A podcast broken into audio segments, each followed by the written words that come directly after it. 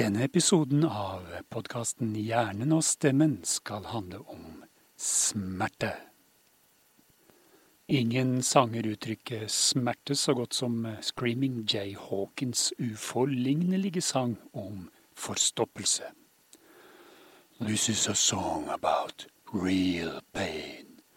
It's called Constipation Blues. Nå venter kanskje dere mange millioner trofaste lyttere der ute at vi kommer til å spille denne her uforlignelige låten. Men der må vi dessverre skuffe dere. Vi spiller nemlig aldri musikk her på hjernen og stemmen. Kjenn på den smerten, dere.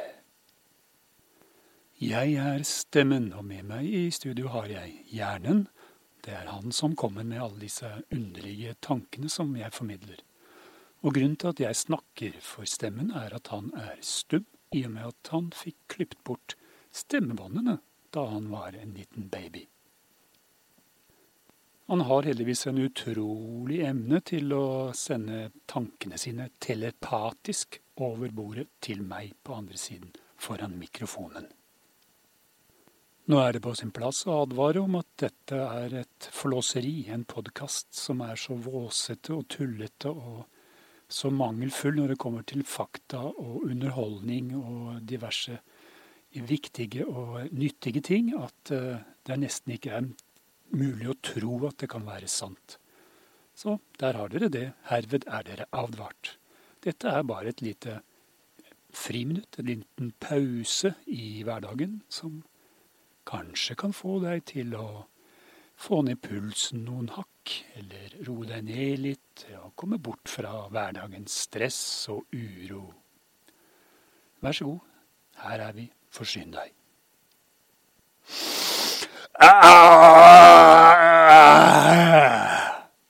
Ja, det er altså smerte som er hovedtemaet i dag. Det er kanskje ikke så beroligende for mange, men eh, det kan jo faktisk ha en beroligende virkning også, tror hjernen. Brukt på riktig måte, vel å merke. Selvskading er jo et kjent virkemiddel for å lede tankene bort fra vonde ting i hverdagen.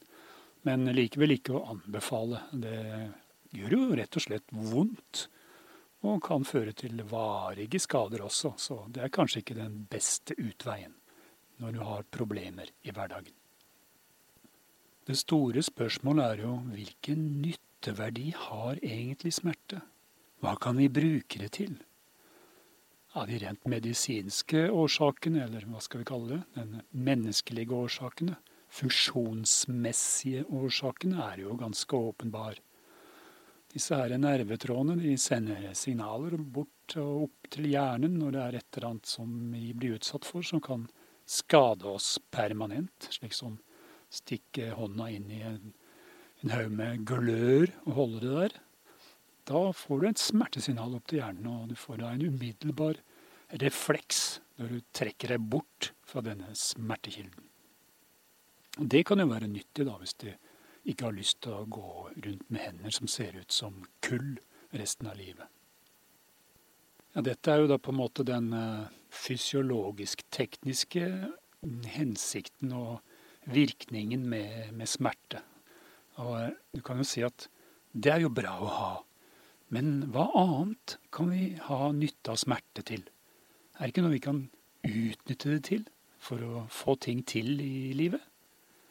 Én uh, ting er jo det at, som mange da også driver med, er jo at hvis man skulle være masjokist, Eh, så kanskje det er ganske nytelsesfullt på en måte å, å påføre smerte av andre. Og da, det er jo da grenselinjen mellom smerte og ekstase kan jo være ganske tynn. De ligger jo relativt nærme hverandre. Så på en eller annen forskrudd måte så går det an å forstå at det fins mennesker som har slike tilbøyeligheter. I den andre enden av skalaen har du sadisten, og den er kanskje ikke like lett å forstå. Eh, eller iallfall å finne sympati med og ha forståelse for. Sadisten finner jo da ekstase og nytelse, seksuell utløsning, i å påføre andre smerte. Og det er ikke like sympatisk, egentlig, som å være masjokist. Men uansett, der har du jo to kan du si, nytteverdier av uh, smerte. For sandister og masjokister. Og hvem vet, det går sikkert an å skaffe seg en yrkeskarriere innenfor sadisme eller masjokisme også. Det er uh, trolig godt mulig. I hvert fall kan sadisten nok være en brukbar torturist, som da også kan ha det veldig godt mens den er på jobb, med at den får seksuell nytelse av å påføre andre smerter.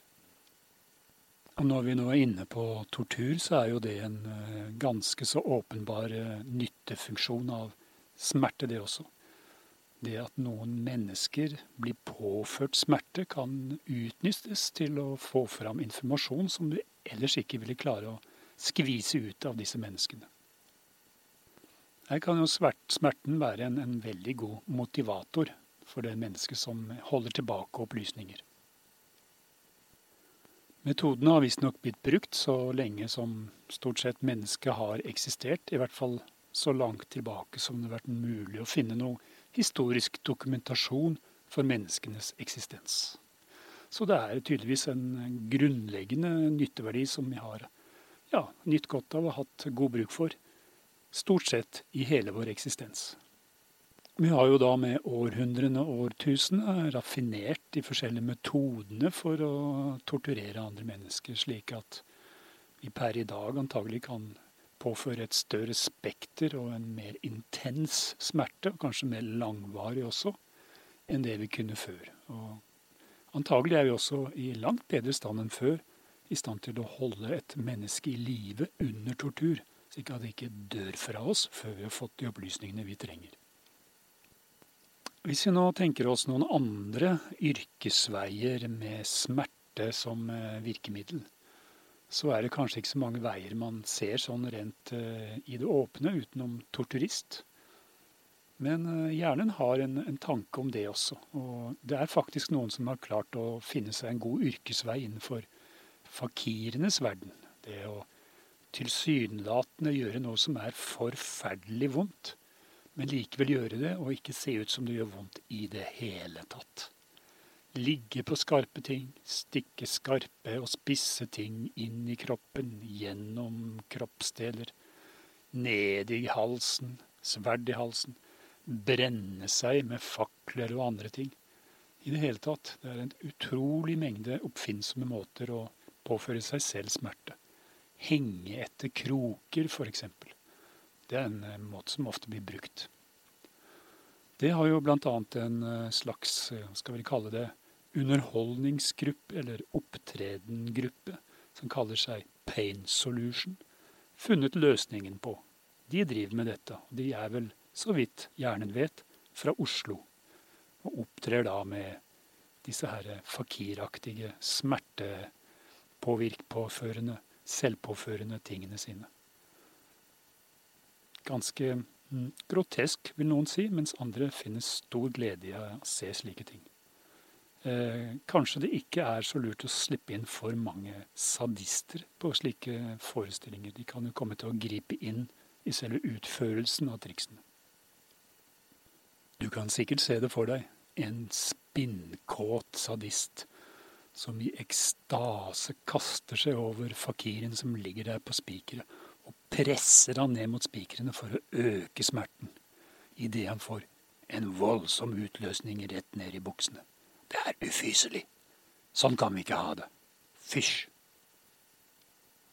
Hjernen, den helskrudde skallen, han mener at det fins noen andre og ikke fullt så hardbarka variasjoner av yrkesliv der smerte er liksom kjernen i det hele.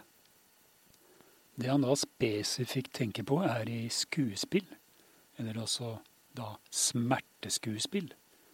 Du eh, kan få deg en karriere som smerteskuespiller hvis du er flink til å uttrykke smerte. Dette kan jo være noe spesielt for de med kroniske smerter. Kroniske smerter er jo en stor plage for mange, ganske så hemmende Rett og slett fordi det gjør jo vondt et eller annet sted i kroppen hele tida. Og det er ikke så behagelig. Men klarer du å gjøre noe ut av det, og utnytte det til eh, en eller annen funksjon eller et yrke, som jeg her er inne på, så kan du kanskje ha en del glede av eh, den, de smertene og plagene du har likevel. Og da kan livet bli litt lettere å leve. Bare tenk hvilke fantastiske smerteuttrykk du kan få av en skikkelig kronisk eh, akutt ryggprolaps, f.eks. Trikset her er jo selvfølgelig det å lære seg opp til å kontrollere selve smerteuttrykket, og ta det frem akkurat når det gjelder, under f.eks. innspillingen av en scene til en film, eller akkurat når eh, en scene skal fremføres på et teater med smerte. Eller eh, ja, hørespill på radioen, at du klarer å uttrykke smerten til riktig tid, i riktig proposisjon, i eh, riktig lengde og styrke, og i forhold til den smerten som du faktisk da i denne her fiktive fremstillingen blir påført. Her fins det jo veldig mange variasjoner av smerteuttrykk. Alt fra lett stikk et sted, som gir en lett smerte og kortvarig, eh, moderate smerter, tunge, sterke smerter og helt ekstremt vanvittig vondt. Og det kan være variasjon i hvor lenge de varer. Sånn. Ekstremt vanvittig vondt i veldig, veldig lang tid. Det er jo da den, kanskje den som er vanskeligst å fremføre for de fleste. Å få fram det rette smerteuttrykket. Og når det er da på scenen eller film eller TV-serier, så må du da også ikke bare tenke på lyduttrykket, men også ansiktsuttrykket og kroppsspråket blir veldig viktig da. Få det riktig i forhold til scenen og hva regissøren ønsker å få frem av dette. Her kan det jo være at det skal uttrykkes reell smerte, altså den smerten du påføres, skal vises som den virkelig burde være i ansiktet ditt og kroppsspråket ditt og lyduttrykket. Eller det kan være snakk om overdreven smerteuttrykk, som kan være aktuelt i f.eks. i komedier, der en eh, blir, får et lite myggstikk på kinnet og skal hyle og skrike og vri seg som om det var et sverdhugg i halsen. Det er også en kunst for seg selv. Eller undertrykt smerte, der blir påført en enormt sterk smerte og skal undertrykke den, men det skal likevel synes og høres på deg, i ansiktet og på kroppsspråket. Det er ikke lett. Det er, en, det er en variasjon av forskjellige smerteuttrykk som man må lære seg å beherske hvis man skal gå, da bli en god smerteskuespiller. De som er virkelig, virkelig flinke på dette, de såkalte karaktersmerteskuespillerne, behersker mange av disse tingene. Alle slags variasjoner. De vet hvordan man skal se ut om man blir brunnet eller brent med et eller annet, en fakkel eller i et brennende hus. Det er variasjoner der også. Liten, kort svie av en sigarglo eller en, en eh, diger eh, balje med brennende olje helt i hodet. Veldig stor forskjell i hvordan disse smertene uttrykkes. Og det kan de beste. De, den aller beste av disse smerteskuespillerne er eh, som hjernen vet om, og han er helt i en klasse for seg selv. John Hurt. John Hurt har virkelig rendyrka dette med smerteskuespill. Han skapte sågar en egen smerteskuespillsjanger i det at et dyr som er inni kroppen din, sprenger seg vei ut i det fri. Hvilken klippe innen smertekarakterskuespill. John Hurt, dere. En applaus! Av andre kjente karaktersmerteskuespillere kan vi nevne Michael Payne og Gloria Suffer. Nå, hvis du syns at du ikke helt har dette med skuespillerkunsten i deg, så kan du likevel gjøre en brukbar karriere som smertestatist. Da blir det veldig mye sånn torturoffer eller en i mengden som blir hugget ned med sverd eller øks eller slike ting, da. Ikke noe, ikke noe dypere skuespill innenfor smerte, men likevel et helt uh, anerkjent og akseptabelt yrke å gå inn på. Og kan tjene sånn brukbart til livets opphold hvis du er dyktig og får mange statistroller. Det er jo ofte mange scener der du skal ha folk i bakgrunnen, eller som ikke er av de viktigste skuespillerne på settet, som skal uttrykke smerte med at de blir skutt, eller stukket med kniv eller spyd, skutt med pil og bue. Eh, ja, alt mulig slags forskjellige uttrykk for smerte som kan tenkes. Tråkke i en bjørnesaks, f.eks. Det er et helt eget uttrykk. Men hvis det er da hovedskuespillerne, altså karaktersmerteskuespiller, så er jo det en helt annen ting. Da må du beherske disse her forskjellige saksene du tråkker opp i. Bjørnesaks, revesaks, eventuelt rottefelle, musefelle. Har veldig, veldig forskjellige smerteuttrykk for de forskjellige saksene og klemmene du kan få smekka på deg. For ikke å snakke om smerteuttrykk ved å bli bitt av noe eller noen. Det kan jo være f.eks. bli bitt av en hund, eller en tiger, eller en flodhest. Alt har forskjellig uttrykk. Forskjellig smerteuttrykk i ansikt og øyne og i kroppsspråk. Bitt av giftig orm, helt annet uttrykk. Da er det også snakk om å vise smerter etter bittet, idet giften begynner å gjøre sin virkning. Og Da er vi inne på gift, så har jo alle mulige slags forskjellige gifter forskjellig smerteuttrykk som en god smertekarakterskuespiller må lære seg å beherske. Så for å komme tilbake til det, med dette med kroniske smerter, folk som har og går rundt med kroniske smerter i livet, det kan være en god vei å gå, å gå inn i skuespill for å bli en smerteskuespiller. Men det er også den problemet at du kanskje ikke klarer å la være å vise smerte når du ikke skal vise smerte på film. Da må du lære deg faktisk å, å holde tilbake smerteuttrykket. Og kanskje spare det litt, og vente til de rette øyeblikkene da smerte skal uttrykkes. For det er slik med, med smerteskuespillere også, at de har mange mange scener der smerte ikke skal vises i det hele tatt. Men de må tas fram i det rette øyeblikket og i rette proposisjoner. Hjernen tror også at det skal være mulig å lagre opp smerte over tid, og ikke gi noe uttrykk for smerte som dermed bare bygger seg opp og bygger seg opp og bygger seg opp. Og at du lagrer det et sted inni kroppen din. La det ligge der, ikke la demningen briste før akkurat det rette øyeblikket. Hvis du får til det, hvis du har veldig sterke kroniske smerter, og kanskje venter og lagrer i opptil et helt år i dag du skal være med på en eller annen bestemt scene i en film der det skal uttrykkes en helt vanvittig, ekstrem og voldsom smerte, så kan du kanskje få det ut akkurat i det rette øyeblikket. Og det er jo slett ikke lett å få det til. Innen smerteskuespill så er det mange smerteskuespillere som bruker forskjellige triks for å vise smerte i rett øyeblikk. Noen går rundt med en musefelle i lomma og hull i bukselomma.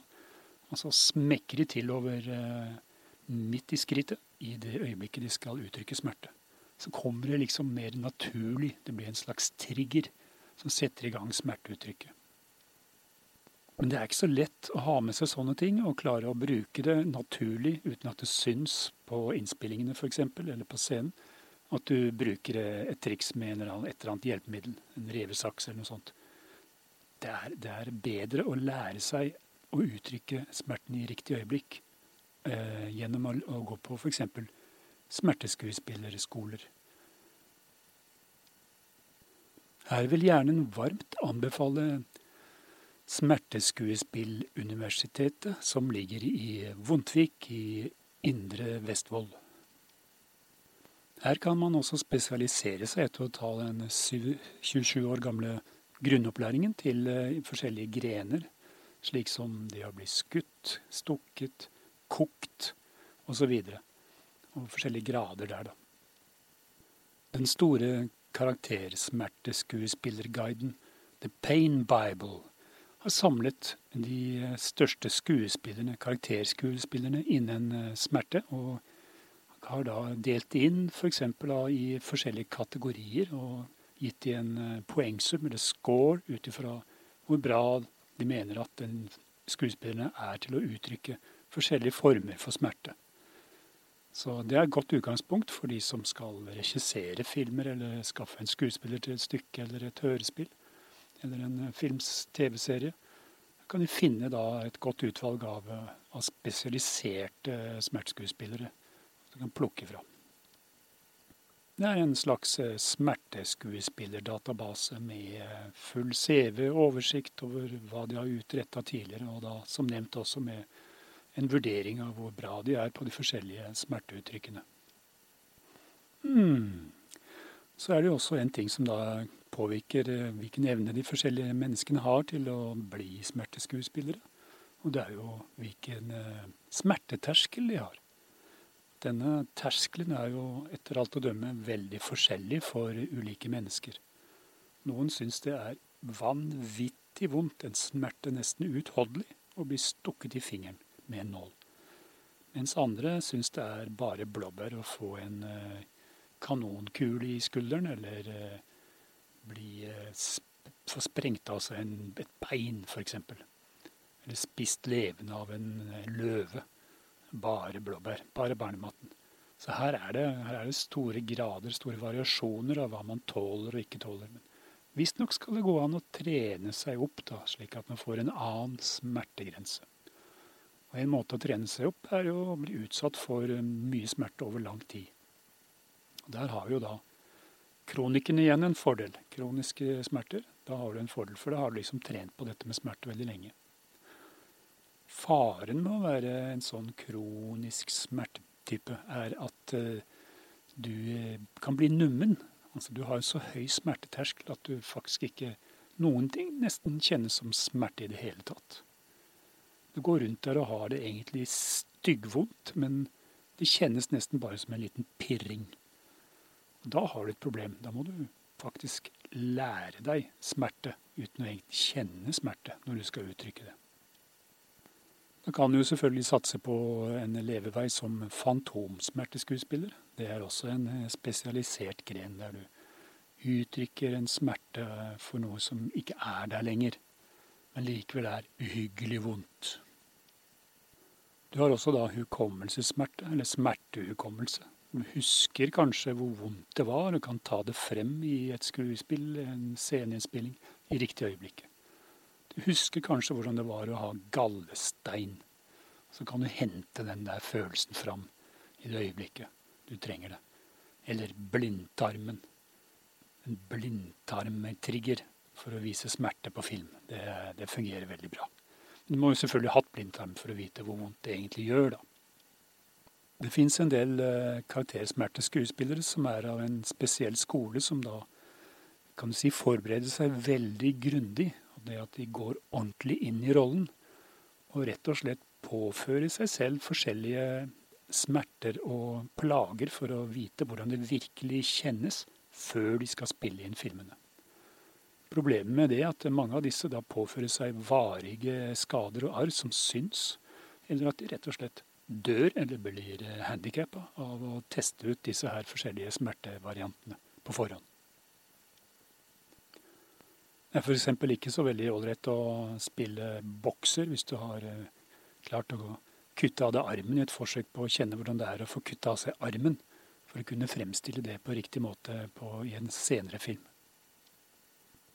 Boksing er jo for øvrig en av de yrkene, eller sportssportene kan man også si, men det kan jo være yrke hvis man blir proff, hvor, hvor, smerte har en veldig viktig funksjon. Det er jo det, den som klarer å påføre den motstanderen sin mest smerte, som som regel vinner kampene. Det er klart man kan vinne på poeng og slikt, da, men det er, det, det er jo egentlig det. Hvis det virkelig gjør vondt nok, så, går, så, klarer ikke motstanderen å ta mer. Da gir han opp med å slenge seg sjøl ned i canvasen på et eller annet slag. Da. Fordi det gjør så vondt at han ikke orker å stå på beina lenger. Så Der har jo smerte en eller annen eh, viktig funksjon. da. Iallfall eh, viktig for den som påfører smerten. Og den som får smerte i boksekamper, er også viktig at den klarer å tåle mye smerte da, før beina knekker sammen og den detter i kanvasten. Viktig å tenke på hvis du skal inn på boksing. Det å ha kroniske smerter kan også være nyttig innenfor musikken, hvis du vil skape musikk. Og særlig da hvis du er sanger. Det å ha vondt fysisk kan være veldig nyttig til å uttrykke smerte i sangen. Ekte smerte. Det er jo mange av disse her sangene som uttrykker smerte. Da dreier det seg om kjærlighetssorg, tapt kjærlighet eller ubesvart kjærlighet osv. Tap og savn, og ikke noe rent fysisk smerte. Men eh, klangen av det kan være ganske likt det som fysisk smerte faktisk uttrykker. Så absolutt, i musikken der fins det gode muligheter. Og det er også en del sanger som handler om fysisk smerte. En av de bedre uttrykkene for smerte i musikken er jo Nine Inch Nail, bandet Nine Inch Nails eh, låt 'Hurt' fra 1995. Som sikkert er litt bedre kjent i en nyere utgave med Johnny Cash. Vi kan også nevne det svenske musikkprosjektet pain i denne sammenhengen.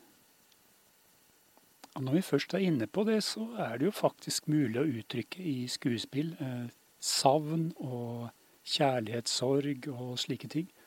Eh, som er et uttrykk, eh, rent iallfall ansiktsuttrykk, som kan ligne veldig mye på det du har med ekte smerte. Så igjen, her har kronikerne en, en fordel i skuespillet. Å kunne uttrykke savn og slike ting hjertesorg i det hele tatt. Sorg er et uttrykk som kan brukes, der smerte kan brukes som en trigger til å komme fram med de riktige ansiktsuttrykkene og kroppsspråket. Ah. Hva er egentlig greia med portforbud, undrer hjernen. Dette er jo et begrep som har liksom vokst frem en hel del i gode, demokratiske land i siste tiden. Ikke bare forbeholdt diktaturer og militærjuntastyrte stater med evne og trang og ønske om å holde kontroll på innbyggerne. Land med mye vold og uro og krig, da. De skal liksom holde folk innafor dørene og ha kontroll på dem, så de ikke gjør noe galt. Hjernen lurer fælt på hvordan det virker. Hvordan kan de få folk til å holde seg innendørs hvis det er portforbud? Er det ikke nettopp porten som holder de innendørs? Hvis man fjerner en port, og innfører et forbud mot porter, så står det jo åpent hele tida. Og da kan jo folk gå inn og ut akkurat som de vil. Det blir der du bor. Trekkfullt kan det bli når det blåser litt. Og du slipper jo inn alt mulig slags ræl. Slubberter, sjarlataner, pøbler, døgenikter og kjeltringer og slikt. Inn i portrommene, inn i gårdsrommene, inn i husene, inn i eiendommene. Og da kan det jo bli riktig utrivelig der inne, når alt det der kommer farende og rekende inn. Så hva er det egentlig med portforbud? Hva har man istedenfor portene når porter er forbudt? Er det et slags forheng, eller hva er det som er greia? lurer hjernen på. Han er ikke blant de mest oppvakte, mellom oss sagt. Det skulle tatt seg ut det om det kom en diger flokk med flodhester inn i stua di fordi du mangla port. Hmm.